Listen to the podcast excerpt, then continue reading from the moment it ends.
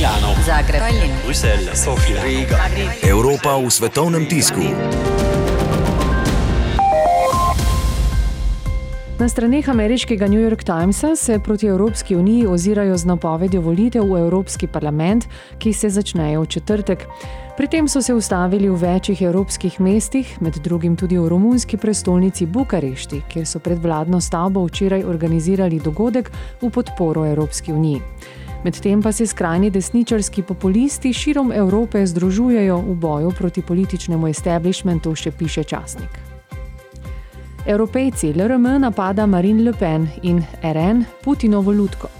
Tako se glasi eden od naslovov v francoskem Le Monde. Sodeč po rezultatih večine javnomnenjskih raziskav v Makronovi stranki Republika naprej, brez zadržkov kritizirajo vedno večji vpliv tujih vlagateljev in vplivov na politične programe v državi. Kot primer francoskih strank, ki se klanjajo Rusiji, navajajo skrajno desničarski nacionalni zbor Le Penove. O 500 milijonih evrov, ki jih je Bruselj namenil nemškem Frankfurtu, pa piše nemški Frankfurter Allgemeine Zeitung. Regija Frankfurt-Rhein-Main ima svoj evropski urad s predstavništvom v Evropski prestolnici.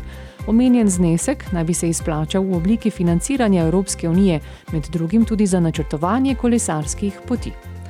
Na naslovnici slovenskega časnika Delo pa si lahko preberemo več o tem, kateri stranki v finišu pred evropskimi volitvami kaže najbolje. Kljub temu naj bi bila najtežja naloga animirati voljivce. Če bo katera od list posebej uspešna pri mobilizaciji svojih podpornikov, se utegne zgoditi marsikatero presenečenje, še dodaja časnik.